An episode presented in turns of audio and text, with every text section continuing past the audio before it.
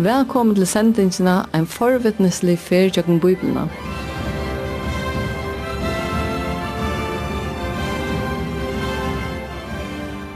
Og i hese senderøyne færer vi saman av færes i jøkken bøyblina for jeg får innlitt i dette store og spennende øke som bøyblian er.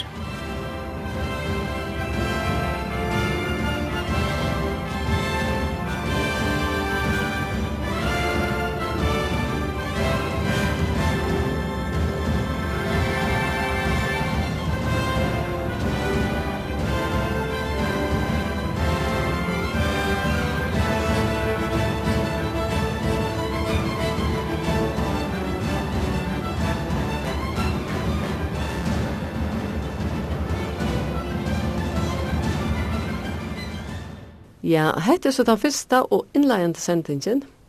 Og i kveld får vi ikke gjøkningen kan jeg avvise bok, men atlan er så vi og vi er ferdig alle bøkene av Bibelen. Bibelen er alltid aktuell, og ikke minst aktuell her i førjen, nå tatt det vil ha til helt i at tusen år i lyen, så er en kristendommer kom til landet. Og alle samler kristendom bygger av Guds år, tog er nøyet å kjenne skriftene, som kunne gjøre den eneste av vysen til frelse. Hesa sendinga er ikkje atlar nokon avvisen aldersbølge, men det er fyrir bæg ung og myealdrandi og gomel, og det krevst ikkje nekar forskunnleitje, men det er fyrir öll som ikkje er vita hva stendur i bøyblene. Hetta er så en røynd at gjøre bøyblene mer daglige og lattare etkommande, fyrir det som halda at hun er tørf for å skilja. Ta vil kanskje særlig huksa om det som stendur i gamla testamentet. Jeg får melde til kun ødlån til at jeg kan bløyant og papur fram, og at jeg har en bøybli tja så det kunne fylgja vi og innihalsivilitnån, og sutja hver versene som vera lysen oppstanda. Enda maler vi som sendingen er, at gjøre godkjentan, sålai som han er lustur i bøyblene, og fyrir jeg læra god at kjenne. Hetta ver ikkje nøkker djup teologisk tjøkningong av Bibelene, men ein jøgnegong har lustaren kan få et heldar yvlit iver innhaldet av bøyblene. Vi tfæra eisne at jøgnegonga hverja bok for seg, så lasnar at vi få fram for det første høvestema i bøykene, og så igjen for hitja narri at likla personen i bøykene, og for leggja denta skriftparstar og vers som gjeva vogn og er lukande, og som det seneste så får røyna vise av hvordan vi kunne bruka bibelska medregler i dagligdenon, og så leis at det virka livsombrøydande. For lattar jeg få et heldar ivlit i bøybna, så får vi ta bøydan sundur i åtta parstar, som er i heser. Den første parsten er fem stil til menning eller boning, Hette er en jøgnegångt av de fem Mosebokene. Annar parster, båskaperen i jøgnen søvna fra Josva bok til Esters bok. Tredje parster, ter poetiske bøkene fra jobb til og vi hasonginun, fjore parster til profetaner, ter er sekstan og uttale, og så sorgarsonginar. Hette er fra Isaias og til vi Malakias, som er seneste bok og i Gamla Testamentet. Femte parster til Jesus, mideblen og baun testamentenon, Her får vi ta tåsa sindre om hva er i middelen testamentene, og så får vi under parsten om evangeliene og apostasøvnene. Satteparster, brøv fra herranon, fra romarbraunon til og vi filemon. Kjendeparster, varva trunna. Hetta snur sum trygg, fra hebrearbraunon til og vi judasarbrauet. Og åttende parster, tøyaren er tekjen, enden og en utbyrjan, åpenberingen. Hetta var så tar åtta parstaner. Hvordan skulle vi så gjøgngenga hetta vuffevna til økje som Biblian er? Jo, vi færa så å si at hitje at kvarje bok vi vuivinkle. Innanfor fotografering så vil ha brukt av imiska linser, så las at du kan stakka bøylød og hava samme motiv, men korsen er bøyløden ikke eins. Om du brukar normal linse, så fars av bøyla som er avmyndar neft til som du sjølver sarst, men om du brukar linse vi vuivinkle, fars du som navnet sier en større vinkel, og her vi er vujere utsyne, eller en større sjånaring, enn det som du sart vi ber neion. Ved telelinse kan du konsentrera deg om et lyd i øyke, som så vil forstørre for jeg sutja ta særlig vel. Onker spyr kanska hver linsa gjør så til røtte myndene. Sverige er allar sjålande. Hette trutcher i imiskir hatter a lysa til motivet som vi tar avmynda. Vi fer hese ferien i kjøkken Bibelen og lyser det vi suttja vi vøyvinkle, vi er noen vujon utsyne. Jeg og avfer vi korsene takka til linsene fram for hitja nærri et omkron.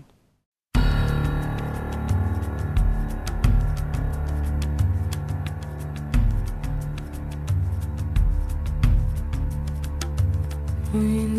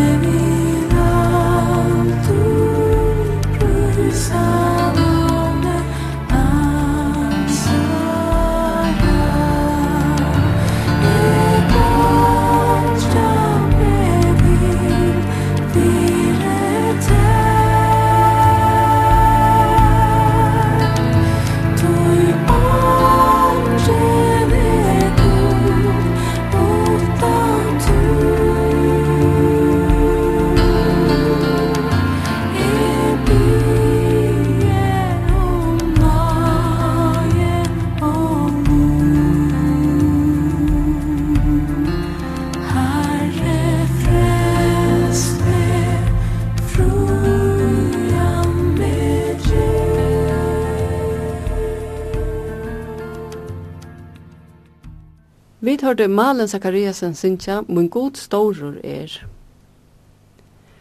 Som nevnt er enda malen vi hessum sendingun mittel anna gjerra god kjentan, men hver får vi naka vit om god? Te er best ei mati a læra naka om god, og te er vi a lesa bøkerne av bøyblene. Åre biblian kjemur griskon og mest i bøkerne, hon er tveim om pørston, gamla testamentet og nudja testamentet. Til samas er 36 bøker, 29 i Gamla Testamentet og 22 i Nudja Testamentet. Ter er skrivair av omlai fjördi imskum falkon, som har liva og imsum tujon og skiftande kåren. Hilde veri at Bibelen skriva fra omlai år 1504 Kristus til 695 etter Kristus. Guds åre skriva vi uiblast i heila andans, mitt anna skriva Peter om hettar.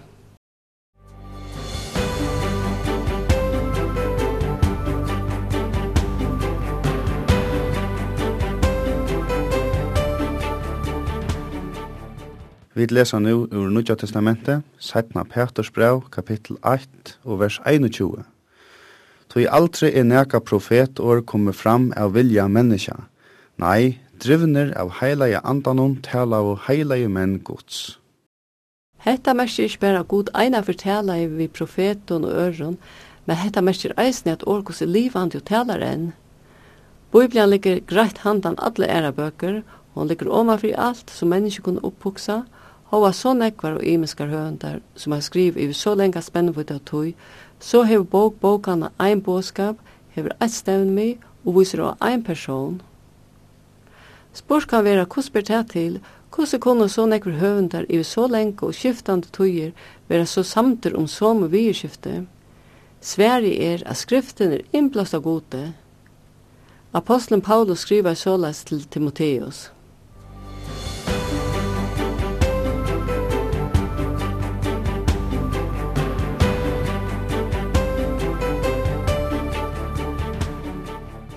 Vi lesa ur Nudja Testamentet, 17. Timotheus brev, kapittel 3, vers 16 og 16. Öll skriften er innblåst av gode og er nyttelig til lærdom, til sannføring, til rattlegging, til oppfostran og i rattvise. Så Guds menneska kan vera fullkomme, først fyrir jeg gjøre alt godt versk. Bibelen er ikke bare sjøvan og god og om sån hans er Jesus Kristus, Hon gjev ljós yfir støvuna hjá mannaatne, gjøgnen hen åpenbæra godse og vilja og rasut fyrir menneskjennom. Utan Guds år så kunde menneska bæra leit etter honom i skaparaversjonen og i sine egne samviske. Vi kunne kanskje spyrja hvordan kunde vanlige menneske som ikkje var noe særlig for fædra tank om Guds og er veri hansara, hvordan kunde heila anden leia deg til å nyeskriva Guds år heldre enn sine egne tankar. Hetta er eit under lengt og om det som vi kunne oppfatta eller skilja. Men ein sannrøynd hetta at jo meira vi lesa og grunda i sannleggene av Bibelene, tryggva tog som vi lesa og handla samsvarandi hesson, jo gypri gest samføringen av at hetta er fra gode.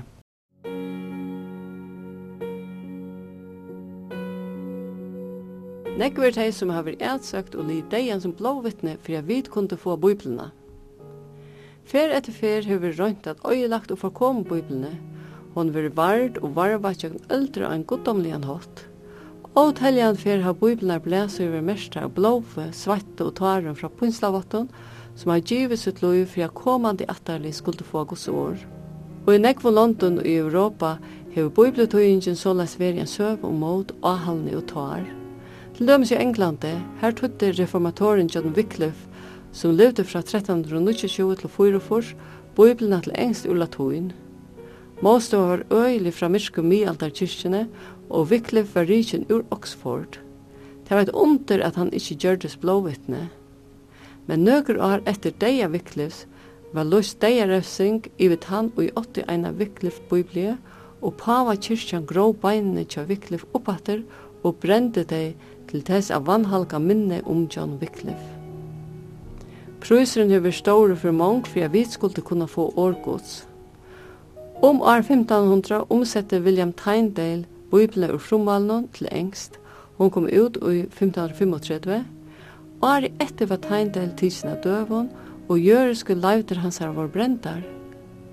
Og i Bretland til Kipa og kyrkjelir embassmenn om sometøy for allmennar bibelbrenning av tøying Tyndales – men få år sættene var kjente utgavan av Bibelen King James Version virkjent, hentan er i røynd og verre, ein endurskoa utgava av tøyingene tja Tøying Tøying Luthers fikk eisnekøyren å smakka. At av ealmann tja Luther vera først skulle få Bibelen av sin egna male, og i samsvar i andan og reformasjonene kom Bibelen av svenskon i 1541, hin danska i 1550, og hinn utslendska i 1544. Men føringar måtte boi i 400 år til 1949 ta fyrsta tøying av allar biblina kom av føreskon.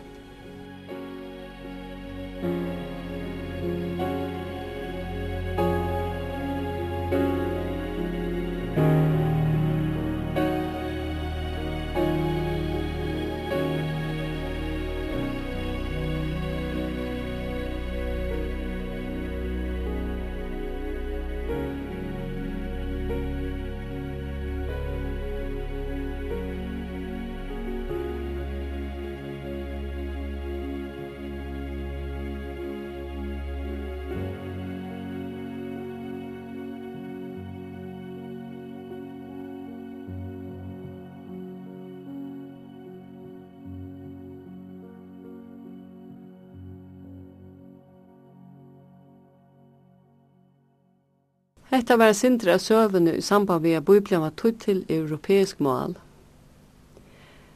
Vi kunne så spyrja, hvor i Bibelen er så stor en tuttninge? Jo, Bibelen er eneste bok som kan greie okkur fra okkar opprona. Hon sier okkur om gos atlan vi menneskene, at han ikke er samfellet vi okkur. Hon sier okkur eisen nek om framtuna fyrir enda heimen. Ta vi lesa Bibelen sutja vid at god hever slept menneskene på fjall, men at öll søvan som hon er, er i hansar hånd, og at tilvilden ikkje ræver, men at god åpenbæra seg sjálvan og jøgnenskriftene Kvør og kussi er god. Fyrir nokkur åren sjøen så var en skaldsøva lisen i utvarpnum som kallast der Teltjasar Godar etter Jens Paula Heinesen. Hetta heite fekk meg ofta hugsa om hvordan vi mennesker ofta i okkar hoa heime telja livandi livande god til etter okkar egna tidsje. Flest folk må ha en mynd av gode. For summe er han kanskje en strengur herre som støvet er av verhalde for i stunden er refsa teg som gjer ekver skaift. Onner og mynda ser han være som en jolamann som skal gjeva gaver til at det byan om det og om det ikke få at her som det blir om så vil det fyrsten og komme til den nye støve at han alls ikke er til. Men til ber eina stedene vi kunna få et verelsvær om hver god er og hvordan han er og det er i hans åre. Og i skriften er nekver karakter egenleikar tja gode luster, så vi kunne få en sanna mynd av hver han er, og hans herre sånne Jesus Kristi. Men bøyblen er eisen søvan om tøyt og mot løyv, og om manna atna som heilt. Hon greier fra hva vi er, og hvordan vi er blei til som vi er, henda bogen kastar ljós iver menneskjans støve, hon gjør okkur velleiing og visdom, Og i hese bók hefur god giv okkun allar samlagar som okkun tørvar fyrir at vita det som er neiut om okkun sjálfu. Hvat er Bibelnar høves endamal? Hvat er det god hefur hitje vi a djev okkun hese bókina? Vi får svær på nekvar av som spurningun som vi tæv og i sjálvar i Bibelne. Til dømes og i Efesabran stender ein av heila andan uiblåst fraboan om Guds åpenbering til okkar i skriftnar, og hvordan han her kunngjør okkun sin lønda vilja.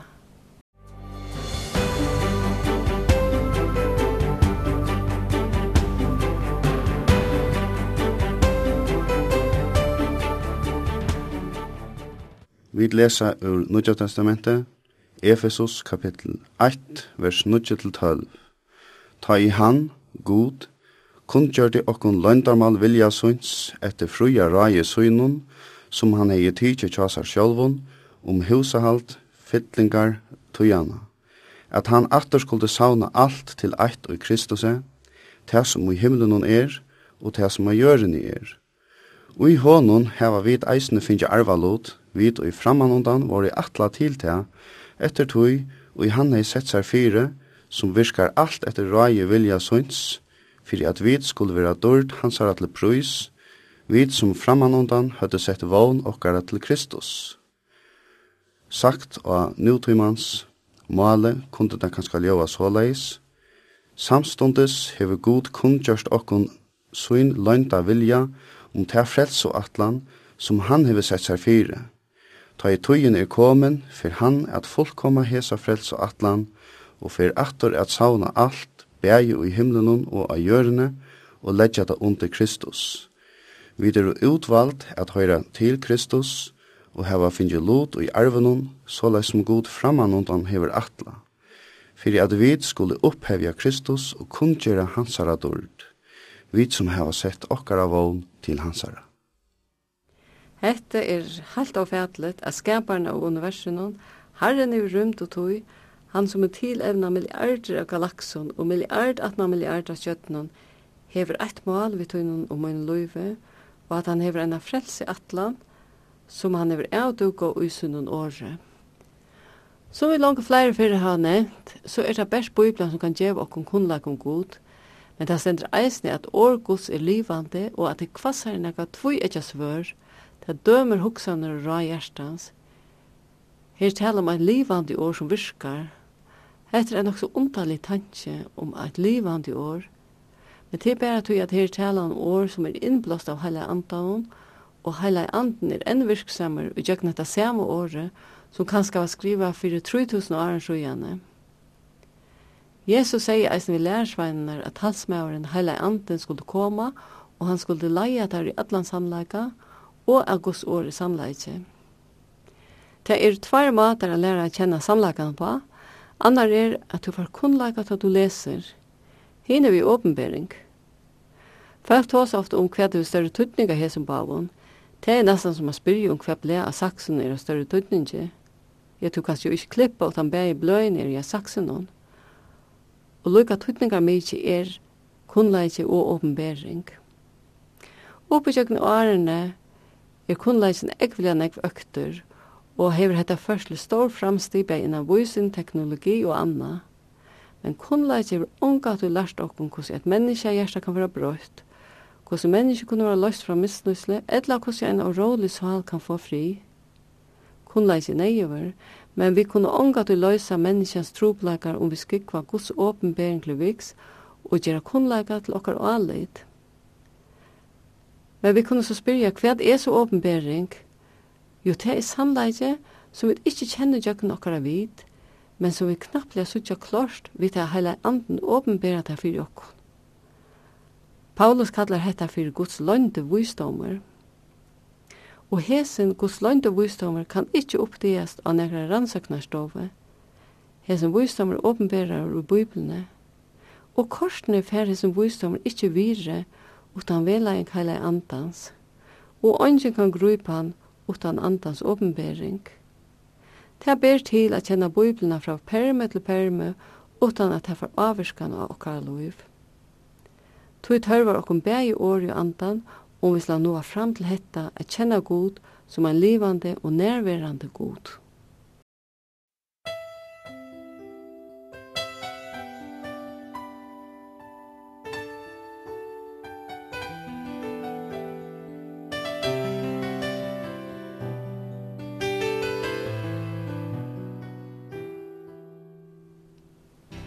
Vi er nå kommet til endan av hese sending. Teknikar i det var Tor Arne Samuelsen, Bråten ur Bibelen leser Jon Finn Petersen, og Lachtle Rattes hever Edna Haberg. Henda sending vil endersendt kommande mykete, og en nytt sending vil om fyrstand det er som tog. Ta var det stort at her var en adjøknegong av boken om Gamla Testamentet, og så fyrir det byrju på Fyrste Mosbok, og jeg fyrir mele ødlund til å lese om skapanene, og og kanska eisne sinter om Abraham okkara attarfægir.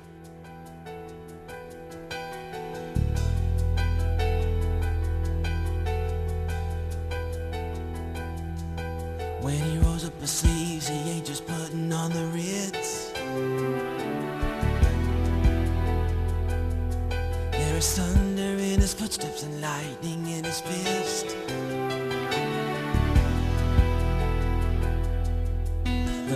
wasn't joking when he kicked him out of Eden It wasn't for no reason that he shed his blood. His return is very close and so you better be believing That our God is an awesome God. Our God is an awesome God. He reigns from heaven above With wisdom, power and love. Our God is an awesome God.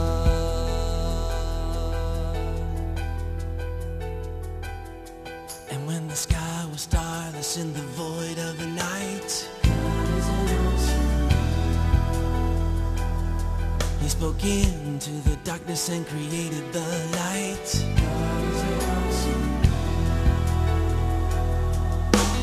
Judgment and wrath he poured out on Sodom. Mercy and grace he gave us at the cross. I hope that we have not too quickly forgotten That our God is an awesome God. is an awesome God he reigns From heaven above with wisdom, power and love. Our God is an awesome God. Our God is an awesome God